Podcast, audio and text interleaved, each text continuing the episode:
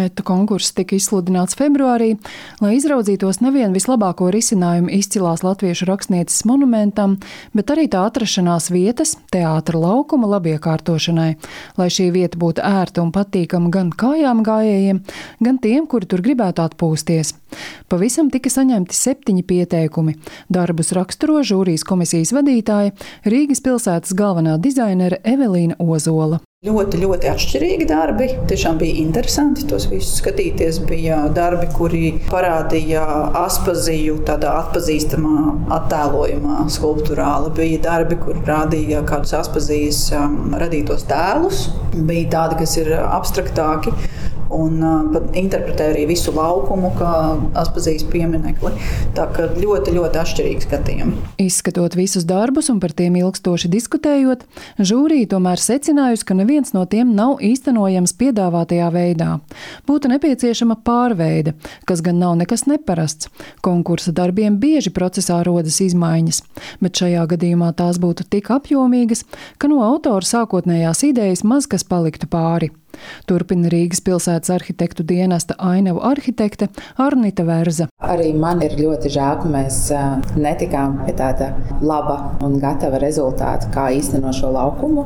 Iespējams, ka varētu būt arī kāda nesadarība tajā mērķī, ka ir ļoti nepieciešams atpazīt tēlu šajā laukumā, un vairāk mums vajadzēja runāt par pilsētvidas kvalitāti vecrīgā un, un kā mēs to varam sasniegt. Un iespējams, ka tad arī būtu vieglāk vienoties žūrijai.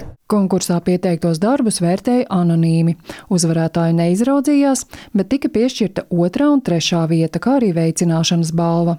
Atverot aploksnes ar autoru vārdiem, izrādījās, ka otrās vietas ieguvējas ieceres veidotājs nav zināms. Vārds vai uzvārds vai autoru kopums nebija norādīts, tikai ierakstīta e-pasta adrese, pa kuru jāsazinās, ja žūrija šo darbu atzīst par pietiekami kvalitatīvu.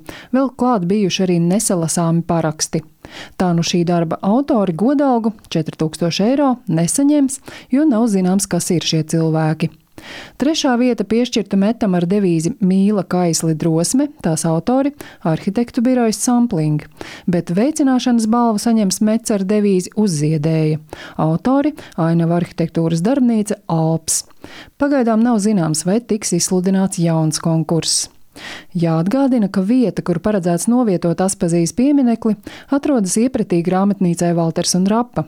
Otrā pusē ir ieeja viesnīcā, bet pāri Aspazijas bulvārim ir Nacionālās operas un baleta ēka. Pašlaik šajā laukumā ir salikti soli un novietoti puķu podi ar augiem, izveidojot improvizētu skvēru. Kā atzīst jūrijas pārstāves, vieta ir sarežģīta, jo atrodas vecrīgā un tā ir samērā neliela. Paredzamā līguma cena būvprojekta izstrādē bija noteikta līdz 60 tūkstošiem eiro bez PVN. Zana Eniņa, Latvijas radio.